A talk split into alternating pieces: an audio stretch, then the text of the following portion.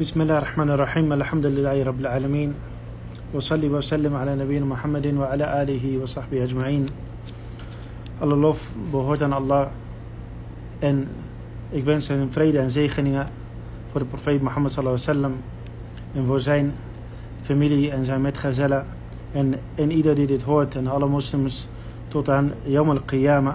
Amma ba'd, om te vervolgen in onze les al-mudhakara, het samen bestuderen en elkaar herinneren aan de religie van Allah subhanahu wa ta'ala en het geloof in Allah en het geloof in zijn qadar. Het geloof in de voorbeschikking van Allah subhanahu wa ta'ala van alle zaken. Zoals eerder gezegd, het geloof in de voorbeschikking, het geloof in al-qadar, is een van de zuilen van, de ima, van al-iman, van het geloof. En deze omvat, zoals eerder genoemd, vier zaken.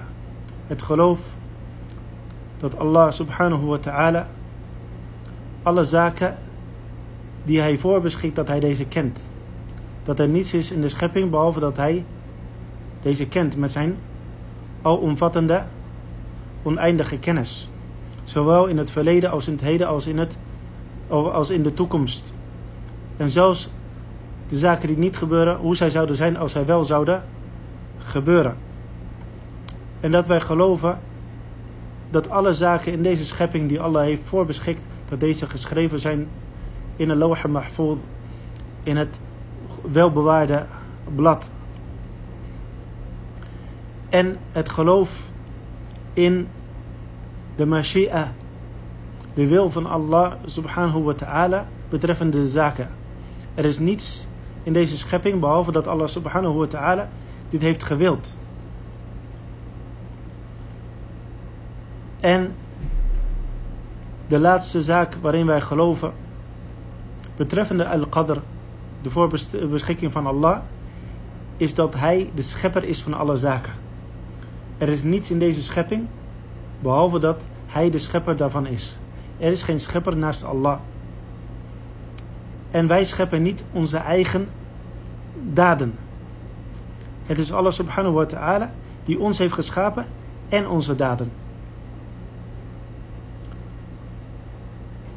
Dus dit zijn de vier niveaus of de vier zaken betreffende het geloof in al-qadr, de kennis van Allah, het schrijven daarvan in de lawha mahfuz en de wil van Allah subhanahu wa ta'ala betreffende alle zaken en dat hij de schepper daarvan is. En vervolgens hebben we het gehad over de asbab, de middelen. De middelen die ons ter beschikking zijn gesteld door Allah subhanahu wa ta'ala om ons doel, ons, ons doel te bereiken. Of onze doelen te benaderen. En zowel de middelen als de uiteindelijke resultaten, deze zijn allemaal van Allah subhanahu wa ta'ala. Allemaal deel van zijn voorbeschikking. Er is geen tegenstrijdigheid tussen de asbab, de middelen die wij verrichten, de zaken die wij verrichten om een bepaald doel te bereiken en de resultaten daarvan. Deze zijn allemaal van de qadr, de voorbeschikking van Allah subhanahu wa ta'ala. Dus als alles geschapen is door Allah en voorbeschikt is door Allah en gewild is door Allah, dus hetgene dat gebeurt, dat, dat is hetgene dat hij wil. Iradatul kawniyya, een, een wil, een goddelijke wil, die hij voor de zaken die hij bepaalt, de, de zaken die hij schept. En dat er niets is dat gebeurt behalve met zijn wil en dat hij de schepper daarvan is. Alles is deel van zijn voorbeschikking, zijn qadar. Hoe zit het dan met onze daden? Dus wij worden opgeroepen of aangemoedigd om bepaalde doelen te bereiken. Bijvoorbeeld, wij worden aangemoedigd en aangespoord en zelfs verplicht om onze gebeden te verrichten.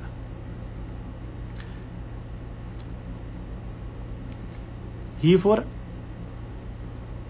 stellen wij, heeft Allah subhanahu wa ta'ala ons lichamen gegeven en ons een geest gegeven en de istita'a of een qudra, de, de kunde, de bekwaamheid om deze te verrichten. Dan is het vervolgens aan ons om deze middelen, om deze weg, deze oorzaken te bewerkstelligen opdat wij het eindelijke resultaat bereiken dat wij uiteindelijk bijvoorbeeld bidden. Hetzelfde geldt voor het voorbeeld van wanneer iemand graag een kind wil, dan dient hij bepaalde zaken te verrichten om een kind te verwekken. Deze zaken zijn allemaal de middelen. Maar of het uiteindelijke resultaat bereikt wordt, dat is ook in de hand of in de, in de beschikking van Allah subhanahu wa ta'ala. Sommige mensen die doen alles wat ze kunnen en vervolgens bereiken ze niet, of krijgen ze, worden ze geen kind uh, gegeven. Ondanks alle middelen die zij hebben verricht, totdat alle middelen waren uitgeput. En vervolgens bereikte zij toch dit gewenste, dit zeer gewenste doel niet. En dat is van de voorbeschikking van Allah. Dus ook de middelen, deze zijn onderhevig aan de wil van Allah subhanahu wa ta'ala en of zij werken. Maar wanneer wij worden opgedragen om, om zaken te doen, hebben wij dan een wil? Of is alles voorbeschikt en worden wij geleid zonder dat, zonder dat wij enige wil hebben? Zoals sommigen zeggen, als een, een blaadje in de wind dat heen en weer beweegt. Als het naar links of naar oost of naar west gaat, dan beweegt hij naar oost en naar west. Of zoals een veertje in de wind. Wordt meegenomen door de wind naar een plek. Zonder dat daar enige wil of keuze was voor dit veertje. Of dit blaadje. Of dit pluisje dat door de, dit zaadje met dat pluis eromheen, dat door de wind wordt meegenomen naar een bepaalde plek, waardoor dit, dit, dit zaadje zich plant. Heeft dit zaadje een wil waar hij zich kan planten? Waar hij zich naartoe beweegt of niet? Hij wordt meegenomen door de wind. Dus hij heeft daarin, daarin geen enkele of geen enkel aandeel. Hoe zit het met de mens? Hebben wij een wil of niet? Allah zegt: "Wama tasha'una illa ma Allah." En zij kunnen niet willen behalve wat Allah wil. Dus de wil, onze wil die wij hebben, is ondergeschikt aan de wil van Allah subhanahu wa ta'ala die alles omvat. Maar Allah tabaraka wa ta'ala heeft ons een wil gegeven.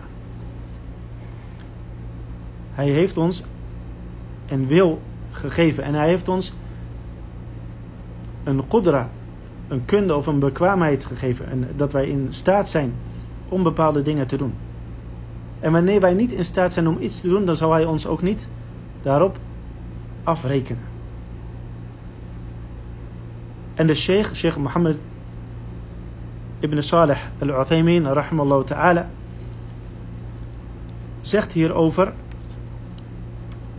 over de wil van de mens.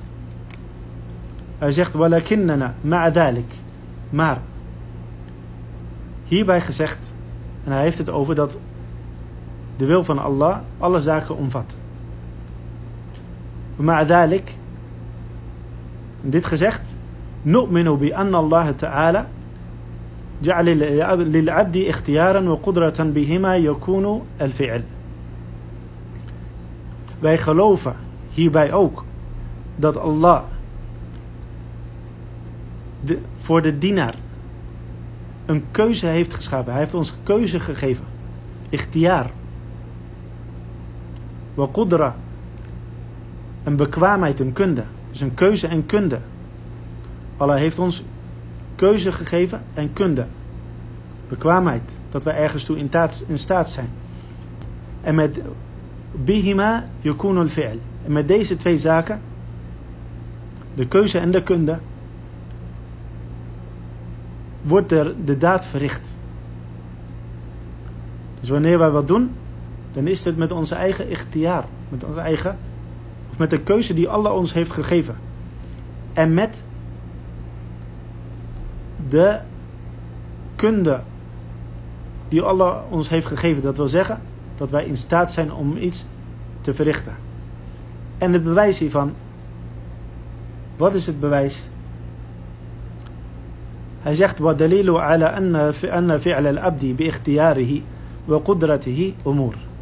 Het bewijs dat de daad van een dienaar, een dienaar van, van Allah, en dat wil zeggen, zowel de moslim als de niet-moslim, elke, elk individu, dat deze wordt verricht met keuze en kunde. Hierop duidt een aantal zaken. Hij brengt een aantal bewijzen. De eerste daarvan is qawluhu ta'ala. De uitspraak van Allah in de Koran. Fa'atu harthakum anna shi'tum. Kom tot uw akkers zoals u wilt. En hiermee wordt bedoeld in de context van deze ayat, van, dit, van deze verse dat een man zijn vrouw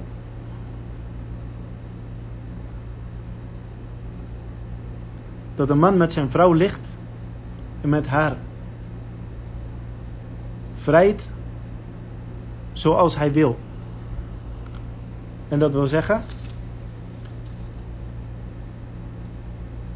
in de positie die hij wil. Want de sebab nuzul, de reden van openbaring van dit eh, vers, is dat de Joden in Medina, zij geloofden dat wanneer iemand gemeenschap had met zijn vrouw in haar vagina, maar van achteren. Zij geloofde dat het kind dan misvormd zou worden. Dat het dan geboren werd met een afwijking. En dit namen de Ansar, de Arabieren van de Medina, zij namen dit van de Joden over. En vervolgens toen zij moslim werden, hadden zij dit geloof meegenomen of overgenomen van de Joden. En toen de Ansar, een aantal van de Ansar, trouwden met vrouwen van de Muhajirin, van de emigranten die kwamen uit Mekka en zich vestigden, of zich vestigden in Al-Medina, ontstond er oneenigheid tussen de mannen en de vrouwen. Dus van, van deze twee verschillende gemeenschappen. De gemeenschap van Medina en de gemeenschap van Mekka betreffende de geslachtsgemeenschappen. En de wijze waarop deze zou moeten worden of zou mogen worden verricht. En vervolgens openbaarde Allah subhanahu wa ta'ala aan zijn profeet sallallahu alayhi wa sallam een aantal van de versen, waaronder een deel ervan fa'tu harthakum anna shi'tum. En kom tot uw akkers, tot uw vrouwen, zoals jullie willen. Dus van voor van achter dus van, van bovenop of van, van, van onderop. In haar geslachtsdeel. Op de manier waarop jullie willen. Dit is het context van het vers. Het bewijs van dit vers, of de istidlal, de reden waarom de, de sheikh dit vers brengt, is dat hij wil bevestigen dat Allah subhanahu wa ta'ala ons een wil heeft toegekend En heeft gegeven. En na shi'tum, zoals jullie, jullie willen. Zoals jullie willen. Dus de persoon of de individu, de mens, hij is in staat om een bepaalde zaak te verrichten. Hij heeft een, een wil. وقوله ولو أرادوا الخروج لعدوا له عدة De uitspraak van Allah en als zij wilde om erop uit te trekken, al-khuruj, ten strijde te trekken, la'addu lahu udda. dan bereiden zij zich voor met een bereiding. فأثبت للعبد إتيانا بمشيئته وإعدادا بإرادته. Dus Allah heeft in deze twee versen en heel veel andere versen bevestigd dat de dienaar dat hij een, een wil heeft. Walau aradul khuruj. Als zij ten strijde wilde trekken. Dus zij hebben een machia, een wil. En zij kunnen zich voorbereiden met een, een wil. Dus dit is het eerste bewijs uit de Koran dat de mens een wil heeft. En deze wil is gegeven door Allah. Tabarak wa ta'ala. Het thani, het tweede bewijs voor de wil, of het bestaan van de wil en de keuze voor een dienaar. توجيه الأمر والنهي على العبد is dat het gebod en het verbod en dat is in de Koran en de Sunnah dat deze zijn gericht aan de dienaar dus Allah draagt de mensen dingen, dingen op en hij verbiedt ze een aantal zaken ولو لم يكن له اختيار وقدرة لكان توجيه ذلك إليه من التكليف بما لا يطاق En als de dienaar, de mens, geen keuze had en geen bekwaamheid, geen kunde, dus niet in staat was om een bepaalde zaak te doen, dus dat hij, zich, dat hij een kunde of een bekwaamheid had in zichzelf, لكان توجيه ذلك إليه من التكليف بمن لا يطاق dan was dit, uh, dit gebod en dit verbod dat aan hem wordt verricht of aan hem wordt gericht van een, een, een, een taklif, van de verantwoordelijkheid. Een opdracht aan hem. Met hetgene, dat hij, waarvoor, datgene daar waar hij niet toe in staat is. Dus hij wordt opgedragen. Hij zou dan worden opgedragen iets te doen waar hij, toe, waar hij niet toe in staat is. Als hij dus geen wil had om iets te doen en hij had geen qudra, geen kunde om iets te doen, dan zou dit betekenen dat hij wordt opgedragen en verantwoordelijk wordt gehouden voor iets waartoe hij niet in staat is. Dus hij, heeft een, een hij, is in staat om bepaalde zaken te doen en hij heeft een, een keuze om dit te doen of om dit te laten. Wanneer Allah subhanahu wa ta'ala ons opdraagt om te vasten, dat wil zeggen dat wij ons onthouden van eten en drinken en gemeenschap en andere zaken, dan hebben wij een keuze of niet. Dan hebben wij een keuze. We hebben een keuze om dit gebod op te volgen en deze verboden op te volgen. En wij zijn in staat daartoe. Als wij niet in staat waren om deze zaken te doen, waarom zou Allah ons dan opdragen om deze zaken te doen of te laten? Wanneer wij er niet toe in staat waren om bijvoorbeeld te vasten. Waarom zegt Allah dan, ja ayyuhalladhina amanu kutiba alaykum as-siyam? Het is verplicht gesteld voor jullie dat jullie vasten. Het vasten is voor jullie verplicht gesteld.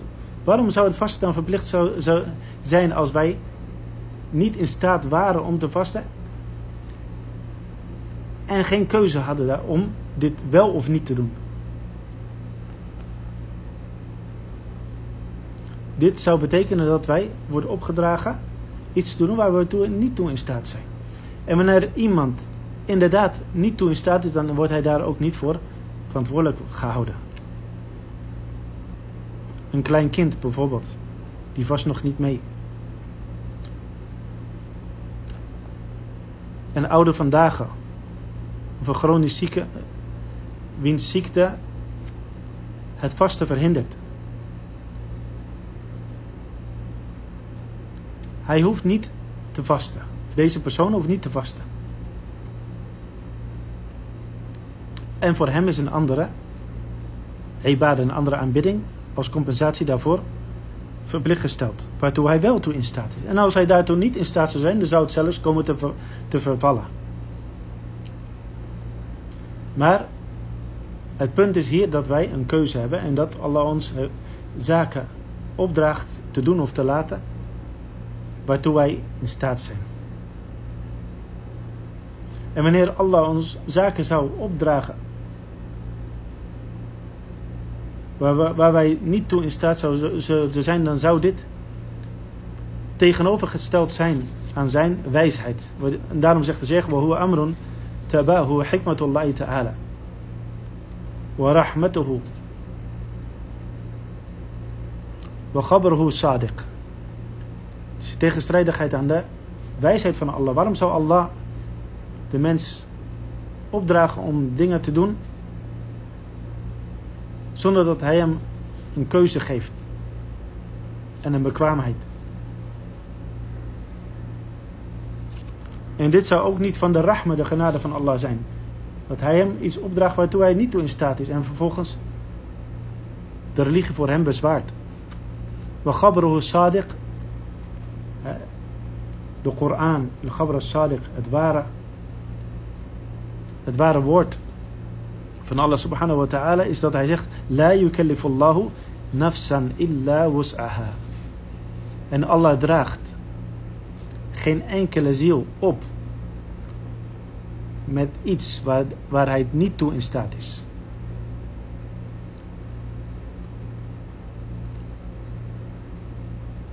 En dat is deze religie. Wij, zijn niet, wij worden niet opgedragen om iets te doen waar, waar wij niet toe in staat zijn.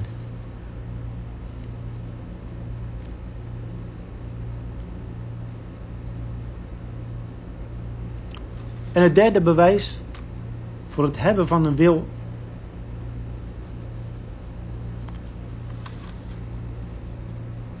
is مدح المحسن على إحساني وذم المسيء على إساءتي وإثابة كل منهما بما يستحق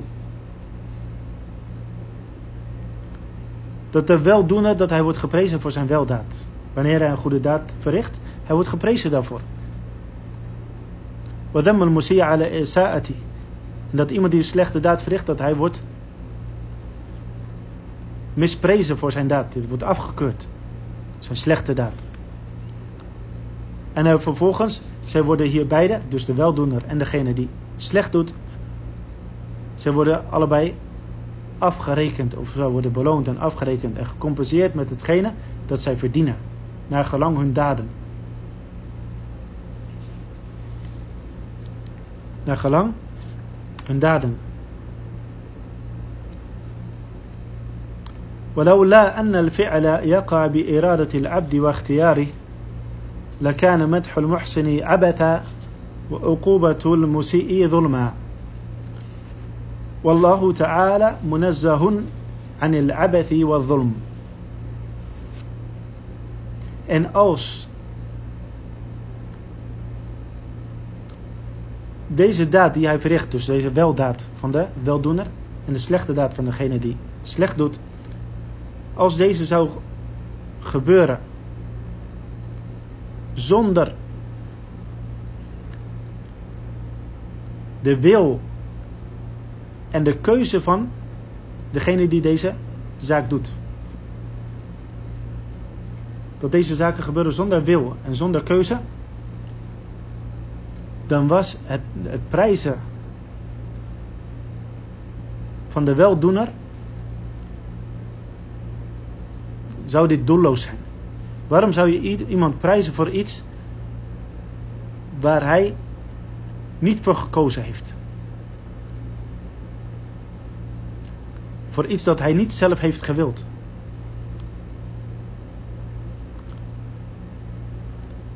Hij wordt geprezen voor hetgene dat hij doet. Zelfs als, het, als dat eigenlijk tegen zijn eigen, uh, zijn eigen lusten of begeerten ingaat en vervolgens doet hij dat toch, dan wordt hij hiervoor geprezen. Waarom? Want hij heeft een wil.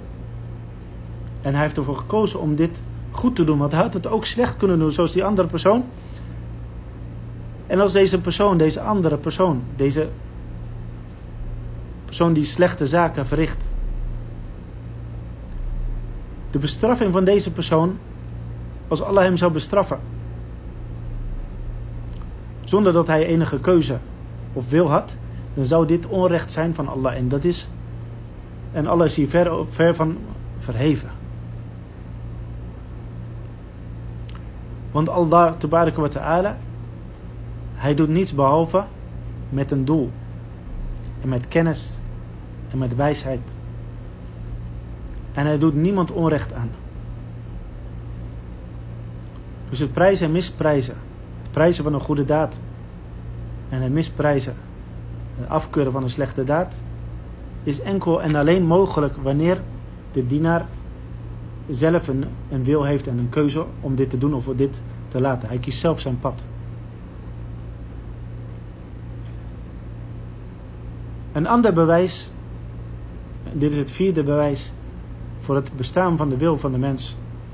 Allah Ta'ala arsala rusul. Dat Allah de profeten, de boodschappers heeft gezonden Mubashirin wa mundhirin. Als brengers van blijde tijdingen, van goed nieuws. En waarschuwers. لئلا يكون للناس على الله حجة بعد الرسل. Opdat de mensen geen excuus zouden hebben bij Allah na het komen van de profeten. Vervolgens zegt de sheikh, ولو لا أن فعل العبد يقع بإرادته واختياره ما بطلت حجته بإرسال الرسل. En als de daad van de dienaar niet zou gebeuren behalve met zijn wil en zijn keuze, dan hadden zij nog, hè, dan, was, dan hadden zij een hujja, een excuus gehad. Dan hadden zij kunnen zeggen, ja Allah, ik wist, of ik, ik had geen keuze. Allah heeft zijn boodschappers gezonden om hem alleen te aanbidden en te leiden naar het goede. En vervolgens zegt iemand, wanneer hij bij Allah ta'ala komt, op de dag des oordeels, ja Allah, er kwamen profeten en ik las de Koran, maar ik had geen keuze. U heeft mij geen keuze gegeven en geen wil. Dus wat kon ik doen?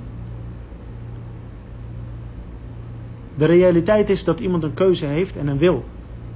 En hij heeft dus geen excuus wanneer hij weet dat iets haram is of halal. En het vervolgens, en vervolgens dat hij iets laat dat verplicht voor hem is. Of dat hij doet wat verboden voor hem is. Wanneer hij de kennis daarvan heeft en, hij, dit, is tot hem, dit is hem ten oren gekomen en hij heeft de kennis daarvan, hij heeft dit begrepen en vervolgens heeft hij een keuze om dit te doen of te laten, dan heeft hij geen excuus meer bij Allah. Tabarak wa ta'ala. Dus hij heeft een wil. is het vijfde bewijs hiervoor أن كل فعل يحس أنه يفعل شيء أو يتركه بدون أي شعور بإكراه is dat degene die iets doet dat hij zintuigelijk waarneemt en dat hij voelt dat hetgene dat hij doet of dat hij laat dat dit zonder dwang is Zij weet wanneer het met dwang is en weet wanneer het zonder dwang is. Voor je komen we. En hij staat en hij zit. En hij komt binnen en hij gaat. En hij reist en hij komt terug met zijn wil. En hij voelt niet dat iemand hem hierop verplicht. En of dat iemand hem hiertoe dwingt.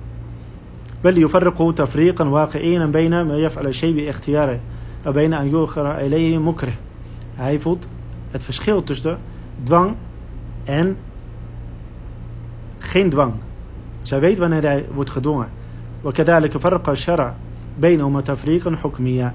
En dus de sharia, hij maakt, de sharia van Allah maakt verschil in het oordeel over degene die, wordt, die gedwongen is en niet wordt gedwongen is. فلم يؤاخذ الفاعل بما فعله مكرها alayhi fima bi ta'ala. Dus degene die wordt gedwongen tot een bepaalde zaak, hij wordt daar niet over beoordeeld en veroordeeld. En niet verantwoordelijk voor gesteld. En dit is het hoofdstuk betreffende de wil van de mens. Die valt onder de wil van Allah subhanahu wa ta'ala. En dit is een klein beetje van een heel moeilijk onderwerp. En mogen Allah tabarak wa ta'ala van ons accepteren en ons kennis en begrip geven in de religie. Wallahu ta'ala alam wa sallallahu wa sallam ala nabiyina Muhammadin wa ala alihi wa sahbihi ajma'in. Wa akhiru da'wana. أن الحمد لله رب